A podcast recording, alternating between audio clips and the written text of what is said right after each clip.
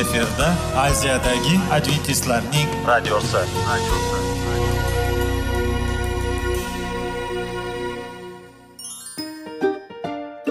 assalomu alaykum aziz radio tinglovchilar. Sog'liq daqiqasi rubrikasiga xush kelibsiz. Zero tananing sog'lom bo'lishi va uning kasalliklardan saqlash har bir insonning burchi hisoblanadi. Inson uchun bebaho boylik bu sog'liq salomatlikdir. Uni asrash esa har birimizga omonat qilib berilgan. Shuning uchun ham inson o'z sog'lig'ini ehtiyot qilishi voajib amallardan hisoblanadi. Dono xalqimiz sog'liq tuman boylik deb bejiz aytmagan. Aql idroq sohibi bo'lgan inson o'z hayotini qadrlashi lozim bo'ladi. Hozirgi kunda qanchalik dori darmonlar ko'paymasin tibbiy muassa sifati shifokorlar vasiyasi tibbiy texnika yaxshilanmasin. Agar insonning o'z salomatligi haqida qayg'urmasa kutilgan natijaga erishib bo'lmaydi va biz sizlarga bizning dasturimizga xush kelibsiz deymiz.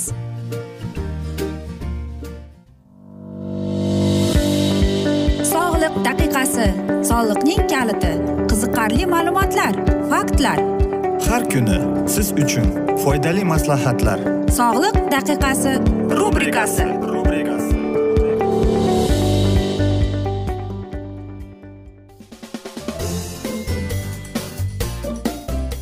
assalomu alaykum aziz radio tinglovchilar. Dasturimizga xush kelibsiz va biz sizlar bilan tana va sog'liq degan dasturda xushvaqt bo'ling deb aytamiz.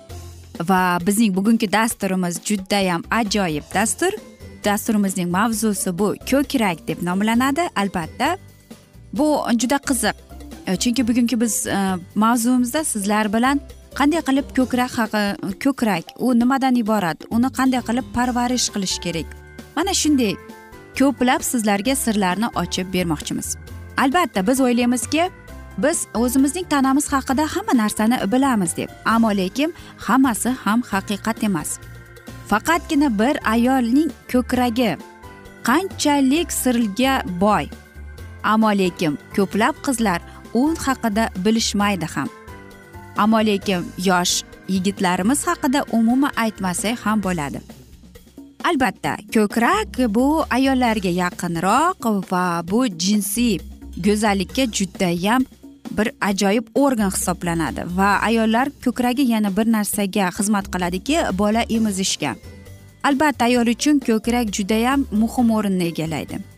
Ayniqsa aytaylikki bir kasallik borki ko'krak saratoni deb nomlanadi. Bu kasallik qayerdan kelib chiqadi? Ko'kragingizni qanday qilib parvarish qilish kerak? Bugungi mavzuyimiz mana shundaylar haqida. Albatta bilasizmi erkak yoki ayol kishining ko'kraklari nimadan iboratligini? U yog'dan sut bezlaridan iborat va bundan tashqari biriktiruvchi to'qima sifatida xizmat qiladigandan albatta kollagendan va mana shunday narsalar ko'p albatta. Lekin bilasizmi agar e, siz sigaret chekadiganlarning ko'kragi osilib turadi tamaki tortmaydigan insonlardan ko'ra nimaga bunday ekan deymizmi? Olimlarning aytishicha bu kimyoviy unsurlarda sigaretda borligi uchun shunday bo'lib chiqadi va nikotin ko'krakning tarangligini yo'qotib ketar ekan. Qarangki olimlar nyu yorkda shu mana shunday tajriba o'tkazganda doimiy va sog'lom uyqu ayniqsa ayollarimiz qorinda yotganda katta ko'kragi bilan bu narsa tananing o'zgarishiga olib kelar ekan va aytaylik yaxshi tomonga emas. Eng yaxshi uxlashning usuli bu albatta e, biqim bilan yotganda yonboshlab yotsak. E, biz yonbosh bilan yotganimizda biz ko'kragimizni ushlab turishga yordam berar ekan. Albatta hozirgi yigirma birinchi asrda bizda shunday bir tushuncha bor. Ichki kiyim ya'ni buzgalter va buzgalter biz e, ayollarning ko'kragini osilib turishiga yordam bermaydi. U hattoki oldini oladi desak ham bo'ladi. Va ko'plab o'tkazilgan tajribalar ko'rsatdiki buzgalter bizning to'g'ri belimizni va bo'ynimizni ushlashga yordam berib kelar ekan. Va siz bilarmidingiz birinchi buzgalter dunyo bo'yicha bu angliyada ishlab chiqarilgan bir ming sakkiz yuz sakson oltinchi yili. U ikki choynak e, qoshiqqa o'xshab chiqarilgan. Va sakson foizi ayollarimiz qarang aziz ayollarimiz siz buni bilarmidingiz? Sakson foiz ayollarimiz o'ziga to'g'ri kelmaydigan e, buzgalterni taqar ekan. Va bu narsa belning og'rig'iga va albatta bizning oshqozonimizni noto'g'ri ishlashiga olib kelar ekan.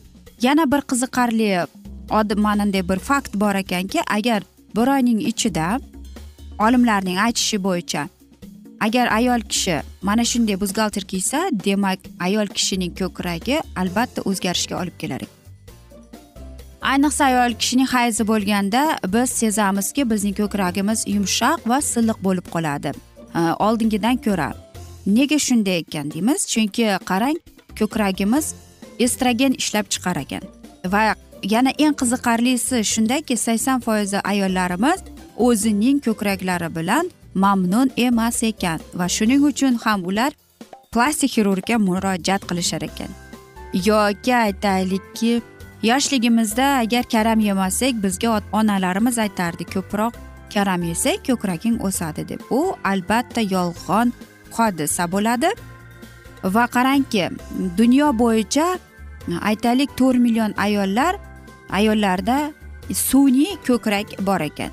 Undan tashqari ikki million e, mana shu ayollar esa amerikada yashaydi ekan. Va har yili xirurgning qo'lidan ikki yuz ellik ming ayol kishi o'tar ekan. Va olimlarning aytishicha bularning ayollarimiz ko'proq ko'kragini katta qilar ekan. Biz aytamizki nega bunday qiladi deb. Albatta bu tabiiy hol. Lekin hozirgi yigirma birinchi asrning e, qizlari judayam hozir kamroq qilar ekan burungi qizlardan ko'ra. Va bu albatta genetik va bizning vaznimizga judayam kerakli narsa ekan. Ammo lekin siz ozsangiz yoki semirib e, ketsangiz demak sizning ko'kragingiz birinchi o'rinda o'zgarar ekan. Agar aytaylik ayol kishi bir kiloga semirsa ayol kishining ko'kragi yigirma grammga kattayar ekan. Aziz do'stlar siz mana shunday narsalarni o'ylaymanki aziz ayollarimiz bilmas edi ham. Va albatta biz keyingi dasturlarimizda sizlarga ko'krak saratoni u nimadan kelib chiqadi yoki qanday qilib uni oldini olish haqida mana shunday mavzuni e, o'qib eshittiramiz. Hozir esa afsuski bugungi dasturimizni yakunlab qolamiz chunki dasturimizga vaqt birozgina chetlatilgani sababli ammo lekin keyingi dasturlarda albatta mana shu mavzuni yana o'qib eshittiramiz. Va sizlarda savollar tug'ilgan bo'lsa biz sizlarni salomat klub internet saytimizga taklif qilib qolamiz. Va aziz do'stlar biz umid qilamiz siz bizni tark etmaysiz deb chunki oldinda bundanda qiziq va foydali dasturlar kutib kelmoqda. Va biz sizlarga dasturimizni yakunida aytmoqchilikki sizlarga shuni xohlardikki sizlarga sihat salomatlik go'zallik tilagan holda sizlar bilan xayrlashib qolamiz.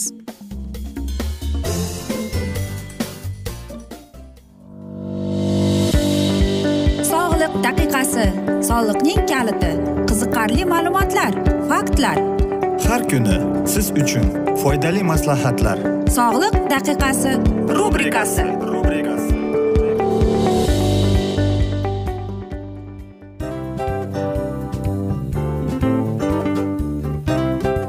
mana ha hayotda hamma narsaning yaxshi narsalar tugaydi va yakunlaydi degandek bizning dasturimizga ham yakun keldi. O'ylaymanki bizning dasturimiz sizga foydali bo'ldi deb aziz radio tinglovchimiz. Va siz o'zingiz uchun kerakli xulosalar kerakli maslahatlar olib oldingiz. Aziz radio tinglovchimiz biz bilan qoling va keyingi dasturlarimiz albatta undanda qiziqroq bo'ladi. Mana shu alfozda sizlar bilan xayrlashib qolaman.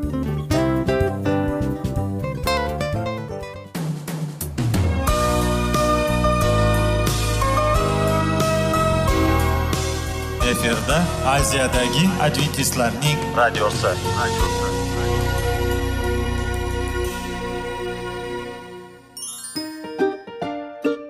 Assalomu alaykum aziz radio tinglovchilarimiz. Dil izhori dasturimizga xush kelibsiz. Pul insonni baxtli qiladimi? Albatta yo'q. Sog'liqchi. Albatta bo'lishi mumkindir. Lekin olimlar shuni isbotlashdiki to'liq va mukammal munosabatlar insonlarni baxtli qilar ekan. Albatta biz hayot davomida biz yaqin insonlar bilan odamlar bilan aloqada bo'lamiz va ular bilan munosabatlarimiz qanday kechadi qanday tuziladi? Yigit va qiz er va xotin ota ona va farzandlar va yaqin insonlar bilan. Balkim hozirgi vaqtda kimnidir hayoti yoki munosabatlari buzilyapti. Va bizning dasturlarimiz ularga yordam bo'ladi deb. Va oldinda sizlarni qiziqarli intervyular va mavzular kutyapti. Va biz umid qilamizki siz biz bilan qolasiz deb.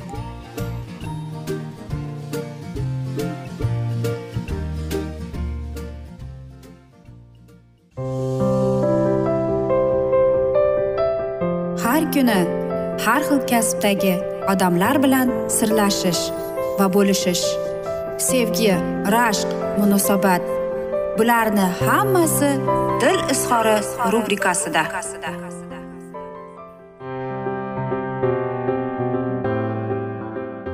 Assalomu alaykum aziz radio tinglovchilar. Dasturimizga xush kelibsiz va biz sizlar bilan erkaklar marsdan ayollar veneradan degan dasturda xushvaqt bo'ling deb aytamiz. Va bugungi bizning dasturimizning mavzusi nega biz bir birimizga qiziqishni yo'qotamiz deb nomlanadi. Albatta mana shunday bir oila qurganingizdan keyin yoki siz bir muncha vaqtdan beri sevganingiz bilan uchrashib yurgan bo'lgan bo'lsangiz unda qaysidir bir ma'lum vaqtdan keyin o'rtangizdagi ishq tuyg'usi yo'qolib boradi. Va mana shu asnoda biz bir birimizga savol beramiz. Nega shunday sodir bo'lyapti deb? Yoki men biror narsani noto'g'ri gapirdimmi deb? Yoki biror narsani noto'g'ri qilib qo'ydimmikin deb qayerda xato qildim degan savollar bilan qiynaladi. Ammo lekin bu narsalar o'zidan o'zi sodir bo'lmaydi. Bu narsalar qachonki sodir bo'ladi? Agar mana shu juftliklar bir birini ya'ni ular hurmat qilmasa qadrini bilmasa va mana shu nega mana shunday? Bir birining har xilligini qabul qilmaslikdan va mana shu narsada elektrik kuchini yo'qotib boradi va albatta ular yonmaydi. Va qarangki mana shunday bir birimizga bo'lgan qiziqish nega yo'qoladi bu ikki sababga sodir bo'lar ekan. Yoki biz o'zimizdagi menlikni yo'qotamiz bosamiz va nega shunday bo'ladi? Chunki biz o'sha insonga yoqishimiz uchun. Yoki biz o'zimizning turmush o'rtog'imizni o'zgartirishga harakat qilyapmiz. Ya'ni u birozgina bo'lsa bizning xayolimizdagi insonga o'xshashlik uchun. Lekin ikkala mana shunday sababi ham hech ham yaxshilikka olib kelmaydi va bu narsalar bizga bizning munosabatlarimizga xalaqit beradi. Agar biz mana shunday aytaylik turmush o'rtog'imizni o'zgartirmoqchi bo'lsak bu nega shunday? Albatta u o'zgaradi. Faqatgina qisqa vaqtga xolos. Va biz mamnun bo'lamiz. Ammo lekin birozgina biz xohlagan inson bo'lmasachi unda nima bo'ladi? Ha to'g'ri aytasiz. Bu bizning munosabatlarimizga dars beradi. Qarang sizlarga bir misol. Bir bola o'zining turmush o'rtog'iga aytyapti. Sen bunday xavotir olmagin. Sen bo'lar bo'lmasdan siqilaverasan deb. Agar u mana shu qiz yigitni aytgan so'zdan keyin u nima qiladi? Uni to'lib toshib kelayotgan his tuyg'ulariga bosib keladi. Bu nima bo'ladi? Albatta oxir oqibat uning hislari kuchsiz bo'lib undagi bo'lgan hislari yo'qotib qo'yadi. Va mana shu asnoda u bolaga shunday ko'rinishi mumkinki bu ikkalasi ham mukammal juftlik deb ko'rinadi. Ammo lekin aslida esa unday emas. Ular bir biriga bo'lgan qiziqishni va mana shu sevgini yo'qotib boradi. Va albatta ular o'ziga bo'lgan yoqtirmaslikni his etishadi. Agar bu narsa ikkala tomondan ham kelsachi unda nima bo'ladi? Va albatta bu ham bir biriga oxir oqibat ular bir biriga begona bo'lib qoladi yoki ular aytaylik do'st bo'lib qoladi. Lekin bir biriga hech narsa his qilmagandek. Qarangki baxtimizga yaxshi mana shu narsaniga duch kelmasligimiz uchun biz sizlarni o'rgatamiz. Qanday qilib siz o'zingizni yanada sevib va o'zingizning turmush o'rtog'ingizni yoki sevgilingizni o'zgartirmaslikka va siz o'z munosabatlaringizni albatta saqlab qolasiz. Agar sizning juftligingizga e, sevgingizni qozonish uchun yoki sizga tinchlik yoki aytaylik mana shunday munosabatni saqlab qolish uchun va faqatgina birozgina o'zidagi bo'lgan qaysidir bir o'zgartirishlarni kiritsa yoki o'zidagi bo'lgan o'y xayollarinechi albatta birovning xohishiga irodasiga kuch berib yoki bo'ysungandan keyin biz o'zimizni birinchi o'rinda sevishni kamroq qilamiz ekan.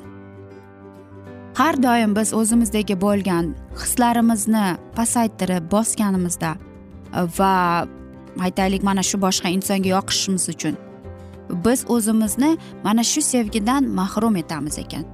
Va siz albatta bu borada o'zingizni ishontirasiz. Bu judayam yaxshi narsa.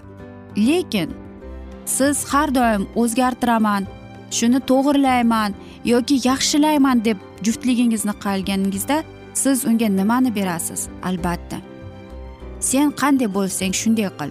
Ammo lekin meni sevgimni sen albatta qozonishing kerak deb. Ammo eng asosiy narsa sevgi mana shu joyda o'ladi. Albatta u boshqa insonni o'zgartirish bu eng yomon narsa lekin afsuski biz boshqa insonni o'zgartirib o'zimizning xohishlarimizga hayollarimizga hayot tarzimizga uni kirgizmoqchi bo'lamiz. U biz xohlagan inson bo'lishini xohlaymiz. Ammo lekin biz asosiy narsani unutib qo'yamiz shu borada sevgini. Va biz o'sha insonning hayollarini uning qiziqishlarini hurmat qilmaymiz qabul qilmaymiz. Va biz o'zimizdagi bo'layotgan hislarni o'sha insonga yoqish uchun bosib o'tamiz. Ammo lekin tashqariga chiqarmaymiz. Nega shunday bo'ladi? Nega? Lekin bizni biz umuman biz ham o'zgarmasligimiz kerak va biz jufti halolimizni ham o'zgartirmasligimiz kerak. Biz mana shu borada sevgimizni o'ldirib kelamiz. Hech qachon ham o'zgartirish to'g'irlash yaxshilashni keragi yo'q. Sevgi unday emas. Sevgi bu go'zal tuyg'u. Sevgini siz his etsangiz demak siz o'sha insonni o'zgartirmaysiz. Uni qanday bo'lsa shundaycha qabul qilasiz. Va men o'ylaymanki sizning qo'lingizdan bu narsa keladi deb. Axir inson bu kuchli insondir. Va aziz do'stlar mana shunday alfozda biz sizlar bilan xayrlashib qolamiz. Lekin keyingi dasturda albatta mana shu mavzuni yana o'qib eshittiramiz. Va biz umid qilamizki siz bizni tark etmaysiz deb chunki oldinda bundanda qiziq va foydali dasturlar sizni kutib kelmoqda. Va albatta biz sizlarga va yaqinlaringizga sog'lik salomatlik va albatta yuzingizdan tabassum hech ham ayrimasin deb seving seviling deb xayrlashib qolamiz.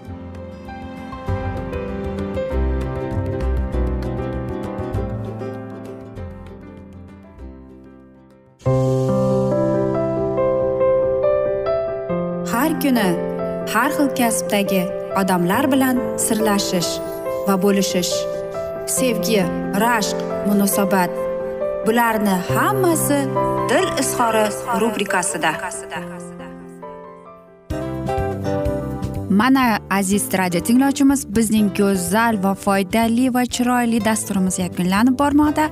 Sizlarga birozgina maslahat berib o'tmoqchi edik. Bir biringizni seving. Qadringizga yeting. Va erkalang albatta bir biringizni va sizga judayam chiroyli va mustahkam munosabatlar tilab qolamiz albatta. Sevgilingiz doimo yoningizda bo'lsin. Mana shu borada sizlar bilan xayrlashib qolamiz. Xayr.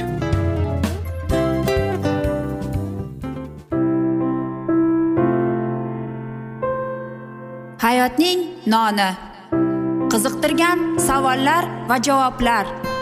Buning hammasi ko'ngil uchun oziqa rubrikasida.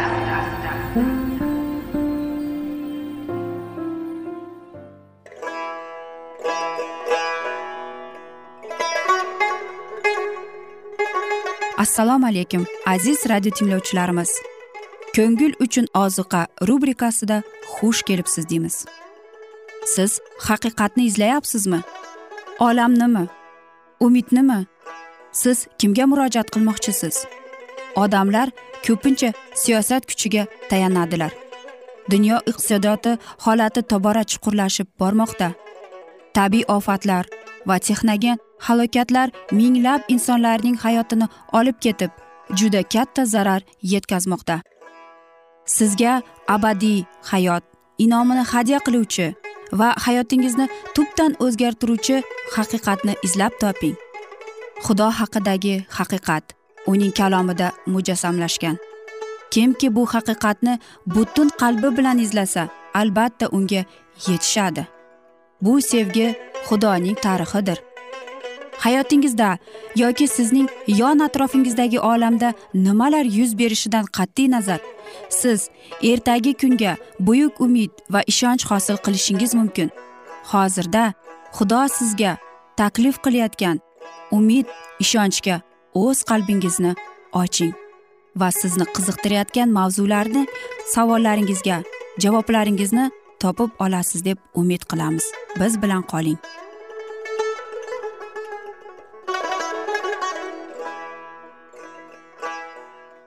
Assalomu alaykum aziz radio tinglovchilar. Dasturimizga xush kelibsiz.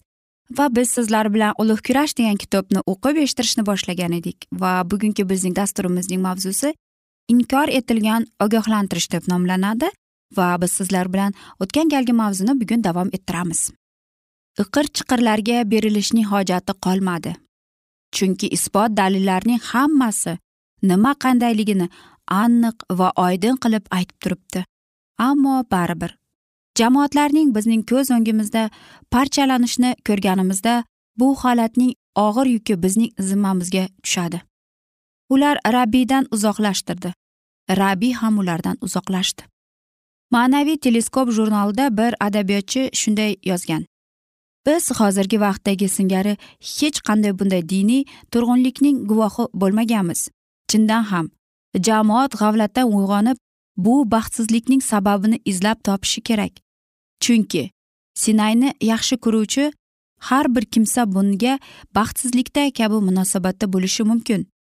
Biz xudoga yuz tutgan kam sonli imonlilarni razillashib ketgan va quloq eshitmagan ashaddiy gunohkorlarning jaholatparastliklari bilan solishtirar ekanmiz.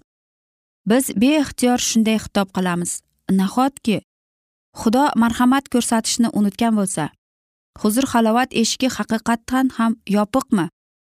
Jamoatning shunday ahvolga tushib qolishining bir nechta sabablari bor.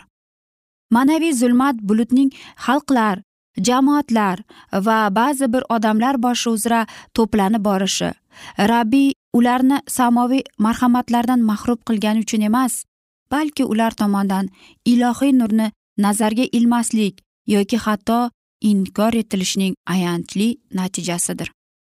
Ushbu haqiqatni tasdiqlovchi ajoyib namuna bu masih davridagi yahudiy xalqning tarixidir. Dunyoviy ishlarga berilib ketgan xalq xudo va uning kalomini unutib qo'ydilar. Ularning ongi xiralashadi halovatlari yo'qoladi va qalblarida faqatgina zaminiy his tuyg'u kuchli ehtiroslarga joy qolgandi. Shuning uchun ham ular masihning olamga kelishi borasida g'avlat uyqusida edilar. Ular o'z manmanligi gumrohligi va ishonchsizlik tufayli najotkorni inkor etdilar. O'shanda ham xudo yahudiy xalqni zulmatda qoldirmadi va ularni najot topish huquqidan mahrum qilmadi. Biroq haqiqatni inkor etganlarda samoviy inomlarni olish istagi yo'qoldi.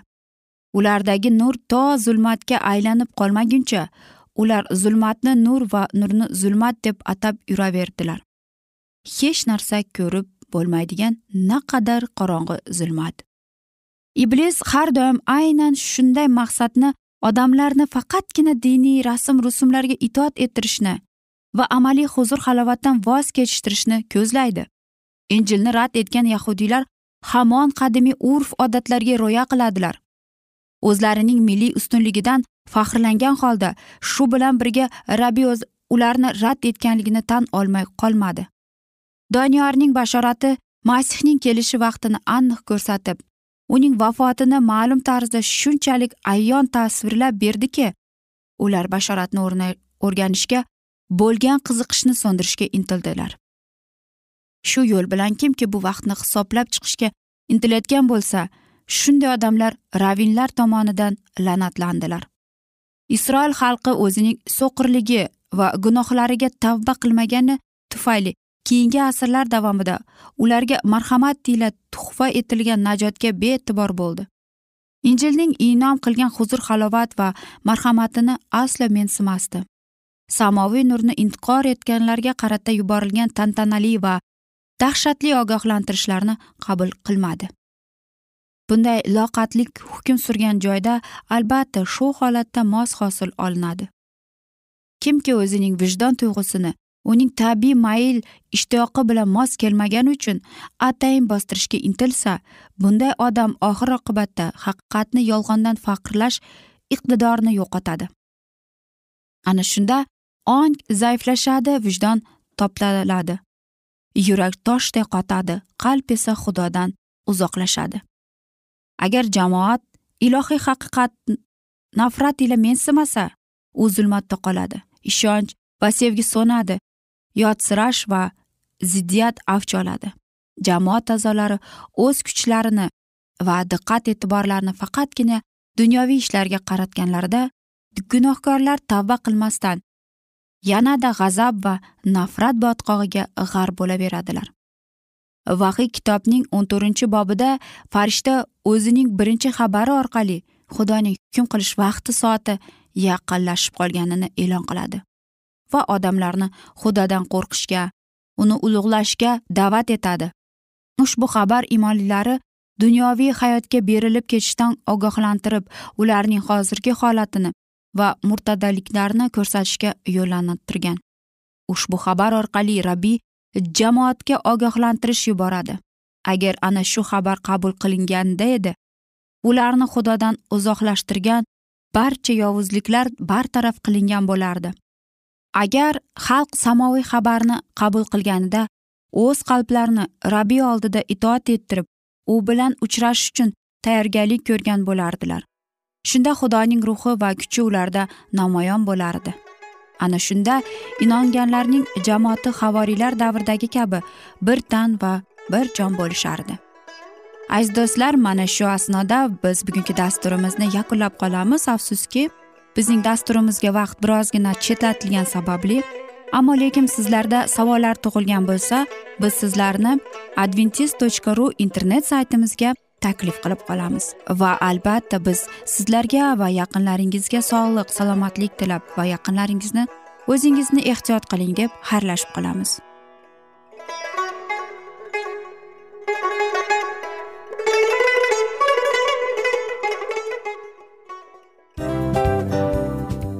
Afsus afsus. Hamma yaxshi narsaning ham yakuni bo'ladi degandek bizning foydali va qiziqarli dasturlarimiz ham yakunlanib qoldi. Va men umid qilamanki bizning dasturlar sizga ozgina bo'lsada maslahat berdi foyda berdi. Va sog'liq borasida ayniqsa sizlarga foydali bo'ldi deb. Va siz bizning maslahatlarga amal qilasiz deb. Albatta keyingi dasturlarda undanda qiziqroq undanda foydaliroq ma'lumot berishga harakat qilamiz. Undanda qiziqroq ko'rsatuvlar sizlarga hadya etishga harakat qilamiz. Bizni tanlaganingizga albatta sizlardan minnatdormiz. Sizlarga baxt omad va sog'liq tilab qolgan holda mana shu alfozda sizlar bilan xayrlashib qolamiz. O'zingizni ehtiyot qiling sog' bo'ling omad sizga xayr.